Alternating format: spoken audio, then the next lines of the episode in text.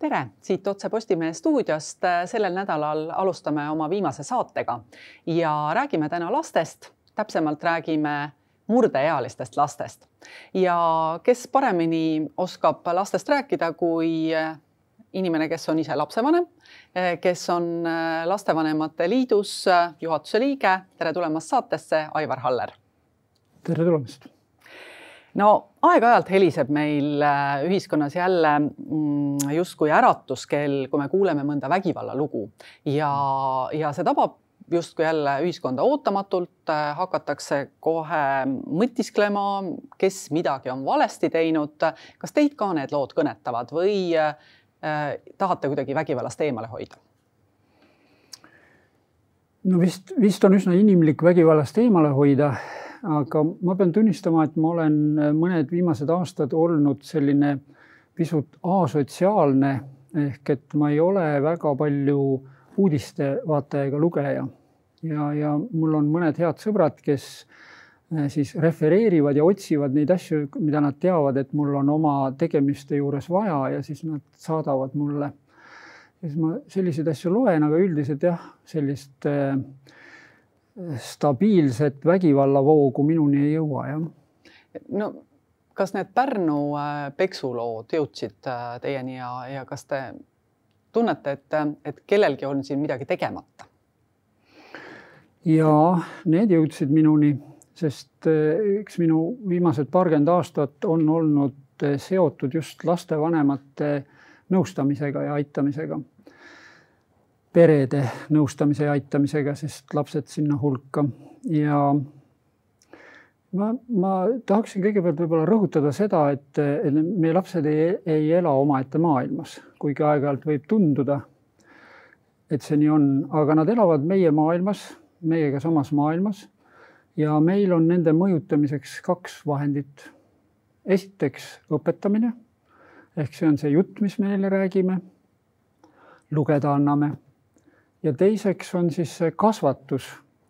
ja, ja see on see, mismoodi me ise käitume.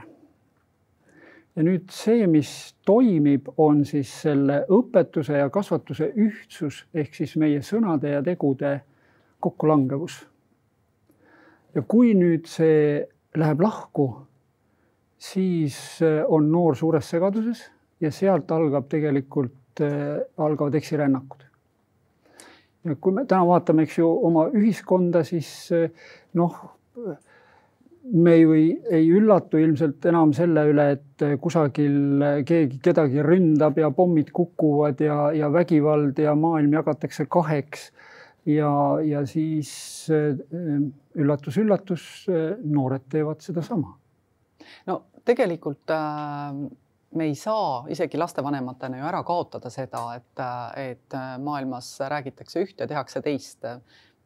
mis nõu te siis annate, et, et kui seda muuta ei saa, mida siis muutma peaks? no seda, mis maailmas tehakse, on tõesti keeruline muuta, aga ema Theresa ütles äh, oma Nobeli preemia nomineerimise juures, nominatsiooni juures, et, et et üks, üks ajakirjanik küsis, mida, mida mina, lihtne ajakirjanik, saan teha maailma rahu heaks. ja ta ütles väga ilusa soovituse, ütles mine koju ja armasta oma peret. ehk see, mida meie saame lapsevanemana teha, on see, et me hoiame oma sõnade ja tegude ühtsuse kodus, oma peres. ja see on kõige olulisem asi, mida me teha saame.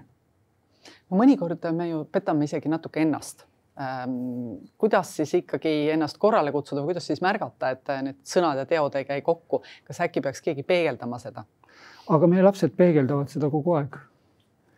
ja, ja kui meie lastega on väga hea suhe, siis nad peegeldavad seda kohe momentaalselt. mul on hea näide oma pojast, kes äh, küll ähm, vaikselt äh, pikka aega ilmselt talus seda kuidas ma siis ütlen, minu kasvatusmeetodit ja siis äh, neljateistaastaselt ühel hetkel küsis, et isa, kas midagi on hästi ka? et sa kogu aeg ainult vingud. ja ma olin tõsiselt üllatunud, kui ta mulle seda ütles, see oli, see oli isegi nii jahmatav, et ma lendasin ajas nelikümmend aastat tagasi sellesse aega, kui ma ise olin neliteist. ja, ja mul tuli meelde, mis oli minu jaoks tollel hetkel väga-väga oluline. Mu ema ja isa olid äh, lahutanud varem ja ma mõtlesin toona, et oleks mul isa, kes äh, ütleks mulle, et poiss, kõik saab korda, ma toetan sind ja toona mul seda võimalust ei olnud ja nüüd ma korraga mõtlesin, et ma olen oma poja kõrval, ma olen oma pere juures ja mu poeg ometi talub, et ma ei, või tajub, et ma ei toeta teda. nii et ja. see on peegel. ja mis siis sai? no sai see, et ma palusin ta käest andeks, ma ütlesin, et, et, et ma ei ole, mul ei ole olnud isa selles vanuses ja ma ei tea, kuidas hea isa selles vanuses käitub ja, ja ma ütlesin talle, et ma olen sulle väga tänulik, et sa oled nii aus ja, ja mulle otse peegeldad seda, et, et lepime kokku, et, et nüüdsest alates mina püüan teadlikult hoiduda sinu kritiseerimisest. vastupidi, ma proovin sind kogu aeg iga asjaga toetada. Ja kui sa näed, et see ei lähe päris nii, siis palun samamoodi ütle mulle. no samas äh peab ilmselt ka lapsevanem mõnikord seadma teatud piire ja, ja vastu peegeldama, sest ega lapsed ju ka alati ei käitu nii nagu ähm, noh, ütleme, kas on varem kokku lepitud või nii, nagu nad on seda varem teinud, et, et kuidas siis äh, nende piiride seadmisega on? no piirid äh, käivad paratamatult läbi konflikti. et teie ja minu vahel, kui me küsime, kus on vabaduse piir, minu vabaduse piir ja teie vabaduse piir, kuidas me seda teada saame? no öelge teie. emb-kumb meist peab selle piiri peale astuma. ja see on konflikt. nüüd on väga tähtis, et see teisel poolel on piisavalt julgust öelda stopp. et praegu astusite minu piiri peale. Ja vot siis nüüd on see piir saanud eh, teadlikuks või, või teatavaks mõlemale poolele, päriselt, sest sinnamaani oli see hüpoteetiline, nüüd on see päris piir. Ja nüüd me teame mõlemad. Ja vot nüüd me saame hakata juba vaatama seda, et kas järgmine piiri rikkumine oli tahtlik. Ehk siis juba selline irriteeriv ja, ja soov, nii-öelda väljakutsuv soov nagu äh, kaklusesse või, või oli veel äh, kogemata. Vot sealt hakkab tegelikult äh, see, see piiride kehtestamine peale. kas ähm ei ole mõnikord nii murdeealistega, et äh, nad isegi teavad neid piire, aga nad siiski proovivad neid natukene võib-olla nihutada või neist isegi provotseerivalt üle astuda, mis iganes põhjusel ja, ja, ja kuidas siis teha, käituda või, või mida siis ette võtta hmm.? siin on äh, ilmselt üks paar asja, mida, mida lapsevanemana selles murdeeas oleva lapse puhul on, on hea teada, meeles pidada et esiteks on see, mis toimub lapse ajus ja, ja tema, tema aju arengus on, on nagu hästi lihtsalt öeldes on lähenemeha, lähenemise mehhanism on see limbiline süsteem, mis hakkab korraga seitsmekordse kiirusega arenema. ja see on nagu auto gaasipedaal, eks. Ja, ja siis seda enamasti tasakaalustab äh, eesajukoor, kus luuakse seosed see on see koht, kus me eh, võime rääkida vastutuse kujunemisest. aga kuna see jääb arengus täiesti drastiliselt maha, see on teaduslik fakt, siis eh, tegelikult see on nagu auto, mille gaasipedaal on põhjas ja pidurit ja rooli ei ole. See tähendab seda, et eh, noh, iga lapsevanem on ilmselt kogenud seda, kui tal on rohkem kui üks laps et, et selle murdeeas sellised asjad juhtuvad, kus sellest inglikesest korraga saab põrguline. Ja, ja laps ise ka, noor ise ka ei saa tegelikult aru, mis toimub, tema jaoks on see samamoodi uus ja tema jaoks on see noh, niisugune võib-olla, et ütleme, et see ei ole nii isiklik ja nii keeruline. aga igal juhul ta saab aru, et, et midagi on viltu aga ta ei ole võimeline seda kontrollima sellisel moel, nagu meie täiskasvanud seda teeme, sest tal puudub ajus see koht, kus luua see, see otsustamise ja vastutamise vaheline seos. ja tähtis on, et meie lapsevanemana seda teadvustame, siis me ei vaata iga sellist katset nagu soovi meid rünnata ja me ei võta seda isiklikult. ja siis on võimalik säilitada see tingimusteta armastuse seisund sa saad aru, et, et lapsel on praegu selline aeg, selline iga ja, ja ei ole mõtet võtta väga isiklikult igat niisugust äh, väljahüppavat äh, pop-up'i vist ainult nii kaua, kui need asjad jäävad nagu mõistlikkuse piiresse, et kui nüüd on ikkagi öö, otsustavad grupp lapsi kokku saada ja hakata teist last peksma, siis äh, ilmselt ikkagi peab sekkuma ja päris äh, tõsiselt peab sekkuma, et millised sekkumised aitavad? säärastest olukordadest välja tulemise aluseks on usaldus et eh, see, et noor inimene on või noored inimesed üheskoos eh, teineteist utsitades on jõudnud sääraste sammudeni. esiteks peab aru saama, et sellel on eellugu, see ei kuku taevast alla. ja see eellugu on seotud eh, kindlasti selle noore inimese või nende noorte inimeste peredega, nende omavaheliste suhetega peres ja teiseks sellega, mis on see, millega nad siis ennast äh, selle, selle uudisvoo vahendusel nagu turgutavad, et eh, kui me noh, hommikust õhtuni vaatame neid tapatalge sealt ekraani vahendusel ja, ja usume, et see mõjub kuidagi nagu tervendavalt, siis, siis see ilmselt nii ei ole. ja, ja on päris palju asju, mida saab teha ette ära aga nüüd eh, see teie küsimus oli see, et mis, mida teha siis, eks ju, kui juba asjad on juhtunud, siis on küsimus sellest, et kuidas taastada usalduslik suhe. sest noor saab ise ka aru, et, et asjad on läinud käest ära. ja kõige hirmsam, mis saab juhtuda, on see, et ta läheb vastuollu terve maailmaga, et tal ei tekigi inimest, kes, keda usaldada ja kellele lahti rääkida, mis tegelikult toimus, kes oleks valmis teda ära kuulama, mitte süüdistama ja kritiseerima, vaid ära kuulama see on väga oluline, sest selle tervenemise aluseks on see, et see usalduslik suhe tekib. alati ei ole selleks võimalik võtta vanemat, no kõikidel lastel ei ole vanemaid, mõned lapsed, vanemad ei suuda seda rolli täita, et kas see võib olla ka mõni teine täiskasvanu? see on väga hea küsimus, Kadri, sest eh, siin, siin me võime siis minna kooli ja, ja küsida seda, et, et mis on tegelikult kõige olulisem asi koolis, mis üldse peaks toimuma. ja mina usun, et see on õpetaja poolt isikliku usaldusliku suhte loomine iga oma õpilasega.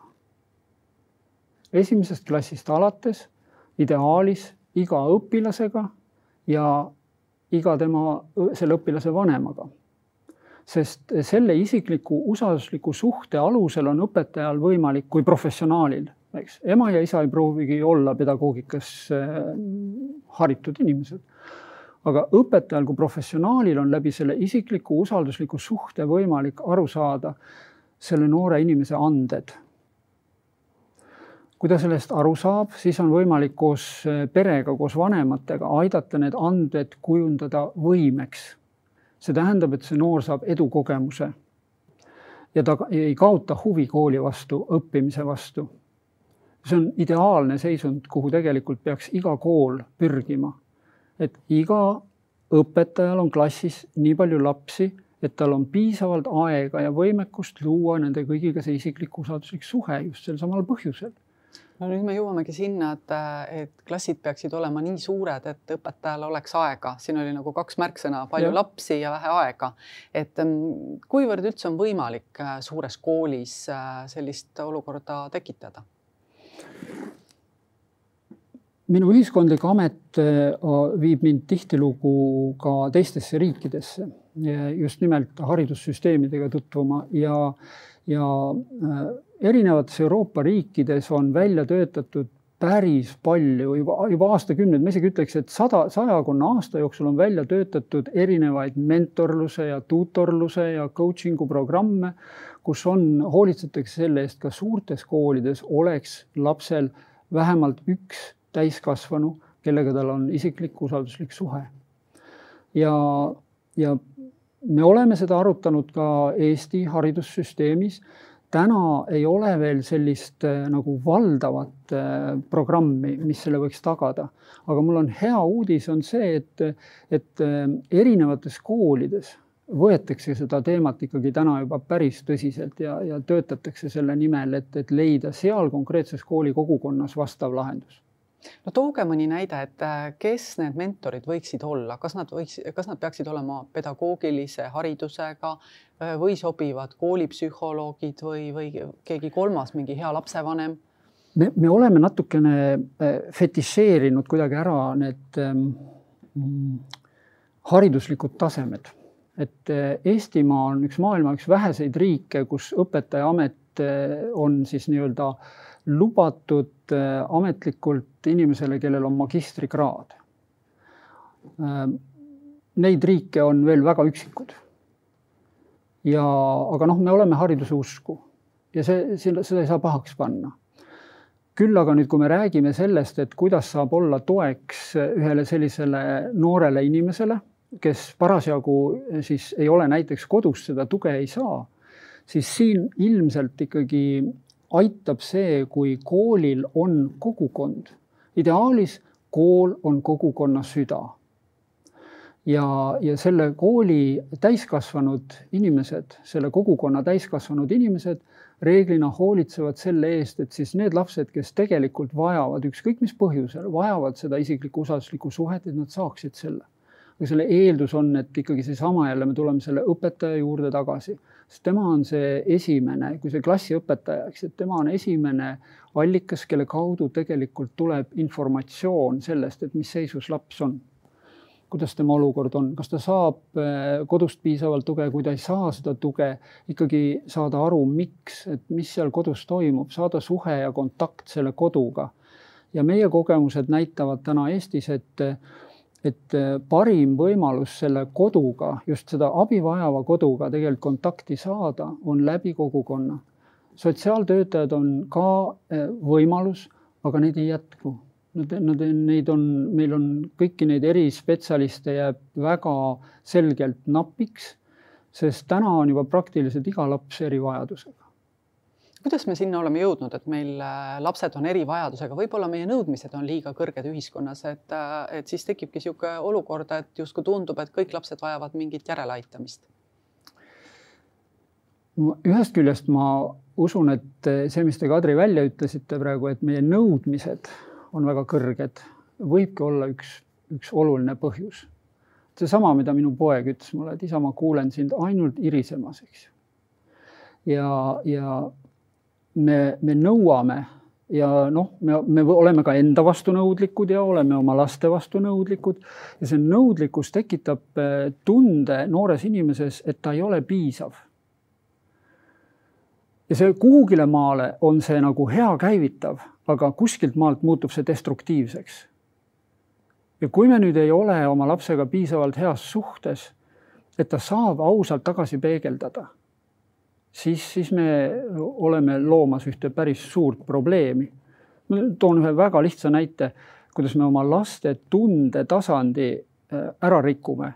kui laps ütleb, et, et ta ei taha rohkem süüa, siis me ütleme talle, söö taldrik tühjaks ja see on nagu ajalooline fakt, eks ju, sest meile öeldi samamoodi, meie vanematele öeldi samamoodi või võib-olla öeldi ka meie vanavanematele samamoodi. no ja see oli ilmselt seotud ikka nälja, näljaga ja näljahädadega kunagi ammu, aga just, me ei ole lihtsalt just. ümber õppinud. me oleme, me oleme uues ajastus ja, ja nüüd selle ütlemisega, et söö taldrik tühjaks, me ütleme lapsele ära usalda oma tunnet tee seda, mida mina sulle ütlen ja niimoodi me ütleme kaksteist aastat koolis oma lastele, mida teha, kuidas teha ja, ja äh, surume ja sunnime nad raami ja usume, et see väline sundus ongi nagu piisav mehhanism, et neid siis nüüd eluks ette valmistada.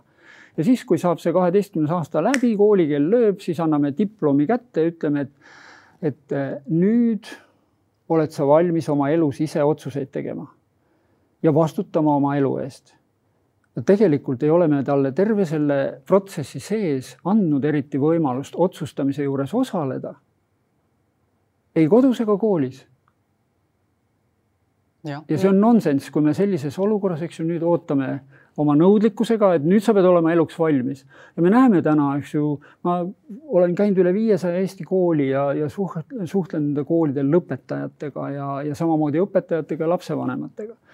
ja see on päris kurb, on see, kuidas, kuidas ikkagi põhikooli lõpus noored ei tea, väga suur hulk noori ei tea, kes nad tahaksid isegi olla no ilmselt ei ole sellest lihtsalt räägitud, et. aga neil on kogu aeg öeldud, kes nad peavad olema, kuidas nad peavad olema ja neil ei ole olnud võimalust enda sees tekitada seda arusaamist, et kes ma tegelikult olen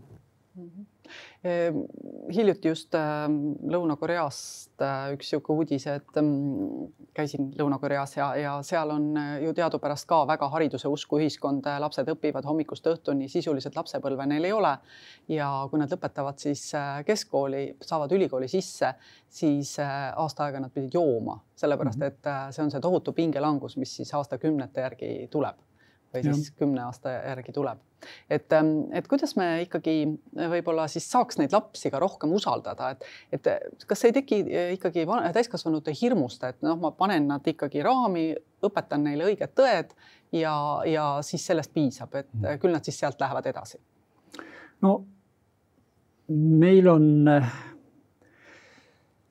see on nagu selline pikk ahel juba nagu me rääkisime, eks ju, meie vanavanemaid õpetati nii, meie vanemaid ja minu Facebooki seinal käib niisugune äh, arutelu igal hommikul, äh, kus, kui ma mõne mõiste sinna välja panen, et äh, kas see on see või ei ole ja siis, kui mingisugusel hetkel läks jutt kehalise karistamise peale, siis ikkagi väga selgelt ütlesid mitmed autoriteetsed isikud välja, et a la mind ka peksti aga ma olen nüüd minister. aga miks see karistamine, füüsiline karistamine ei aita, et mis see teie versioon on, et sellest tõepoolest see diskussioon ju käib ja, ja niinimetatud need meie vanemad ja võib-olla veel vanemad inimesed ju tegelikult sellest keskkonnast tulevad mm. -hmm. kas te Katrin Newtoni kolmandat seadust mäletate? no öelge mm.. kas me tohime panna käed vastamisi? Mis ma teen? no surute, ma surun vastu. ja, ja kuidas see Newtoni kolmas seadus võiks siis kõlada? no surve tekitab vastusurvet äkki. just mm, -hmm. igale jõule on vastujõud sama suur vastasmärgiline. ja, ja see on lihtne vastus, kui me hakkame lapsi suruma, siis nad hakkavad vastu suruma. ja, ja see on niisugune lõputu, lõputu vägikaika vedamine. mul on olnud elus võimalus teha äh, enam kui tosina mõrvariga intervjuud, kes on tapnud rohkem kui ühe inimese. ja, ja ma võin öelda, et me ei taha teada nende inimeste lapsepõlvest mitte midagi. Need on, need on õõvastavad lood ja, ja valdav enamus kuritegelikule teele sattunud inimesi tulevad kodudest, kus valitses vägivald. see on lihtne põhjus, miks mina empiiriliselt, tuginedes oma elukogemustele, tuginedes uuringutele, mida ma olen lugenud, ütlen täiesti kindlalt, et ei igasugusele vägivallale kodus. No samas sellised kodud ju, sellised kodud meil ju tegelikult on äh, ja, ja samas on meil ka, nagu me rääkisime enne kogukonnast, mis võiks olla kooli ümber, äh, on meil ju päris hulka lapsevanemaid, kes äh, noh, ütlevadki, et kool tehku oma tööd, mina teen oma tööd ja, ja proovige seal kuidagi ise hakkama saada, sest minul on ka ju omad ülesanded elus. et mm, -hmm. et kuidas me selles olukorras siis ikkagi neid lapsi aitame, kes on vägivaldsetes kodudes no vot, me, me ilmselt peaksime kõigepealt äh, mõistma, lahti arutama ühiskondlikus äh, diskussioonis selle, et, et kuidas me saaksime selle sõnade ja tegude ühtsuse ühiskonnas tagada. sest äh, kui seda ei ole, sellist terviklikult seda, ütleme sellist rahvuslikku kokkulepet, siis me oleme väga õhuksel jääl sest praegu tavaline olukord on selline, kus äh, vanemad arvavadki seda tihtilugu, et, et lükkan selle lapse sinna kooli, saab jalust ära ja, ja nüüd mina tegelen siin oma asjadega, mina ei ole pedagoog, on ju, kasvatage, tehke ta, tehke ta valmis, eks ju. ja siis äh, koolis on õpetaja, kellel on ilmselgelt üle jõu käiv arv lapsi. Ma ei räägi väikestest maakoolidest, kus see asi on täiesti heal, heas olukorras, see vahekord, eks. Aga enamasti suurtes koolides neid lapsi on rohkem, kui õpetajal on võimekust. Ja see tähendab, et õpetajad on tegelikult erakordselt suure stressi all, erakordselt suure stressi all ja ma, ma ei saa, tunnistan ausalt, ma ei saa aru, miks nad seda lasevad siiamaani juhtuda. ma natuke mõistan seda, et see on sellest, et nad on missionärid, nad on läinud kõik sinna tööle sellepärast, et nad äh, ka armastavad lapsi ja soovivad neid aidata. ja kui nad siis äh, on seal juba selles töös, siis kui inimene, nad ei tööta raha pärast ja sellist inimest on väga lihtne suruda ja võtta talt seda raha järjest kärpida ära, nagu aastaid on olnud, eks ju. nüüd antakse seda piskuga juurde, aga seesama sõjamaailm meie ümber, eks ju, ragistab sellise hooga edasi, et see sööb selle pisku kõik käest ära ja, ja õpetajad on endiselt ikkagi üsna kesises olukorras. ja õpetaja nüüd, kui me ütleme talle, et kuule, et aga nüüd sina tee ikkagi see kasvatuse osa ära, siis ta on ikkagi väga-väga keerulises olukorras see tähendab, et meie sõnade ja tegude ühtsus suure poliitika tasandil on paigast ära.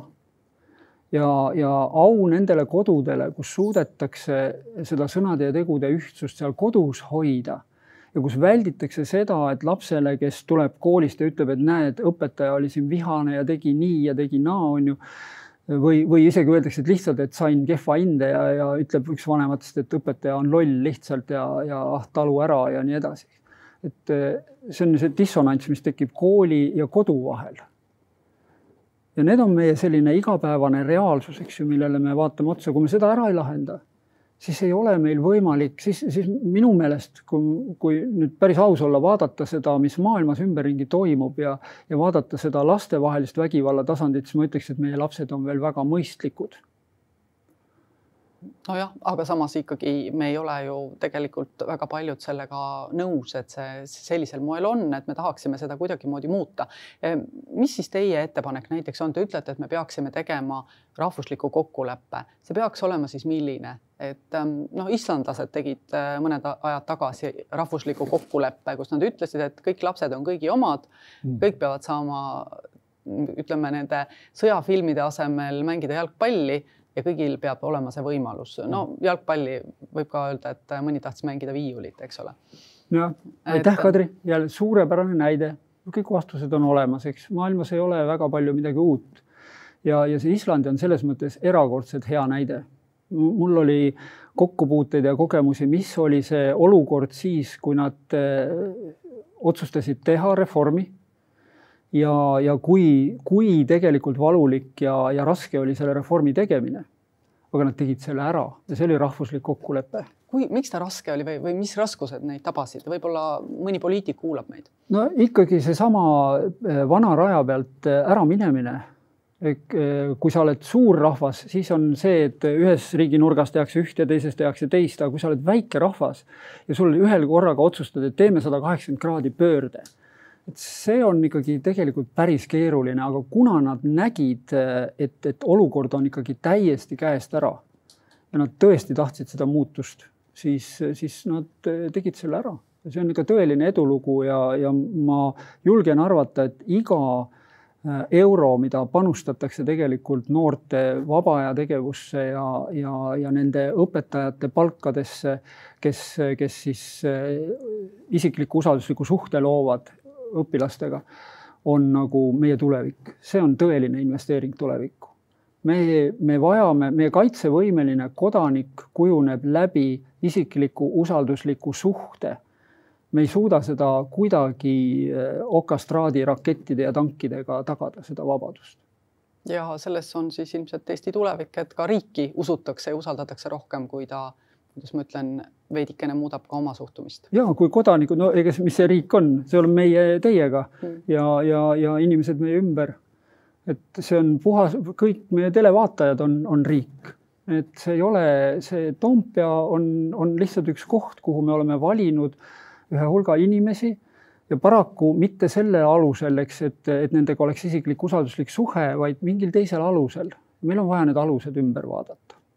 selge nüüd on meil jäänud äh, neli kuud umbes valimisteni, piisav aeg, et kõik jõuaks veidi mõelda äh, ja jõuaks võib-olla vaadata, keda nad valivad ja mm, -hmm. ja kuhu Eesti riik edasi läheb.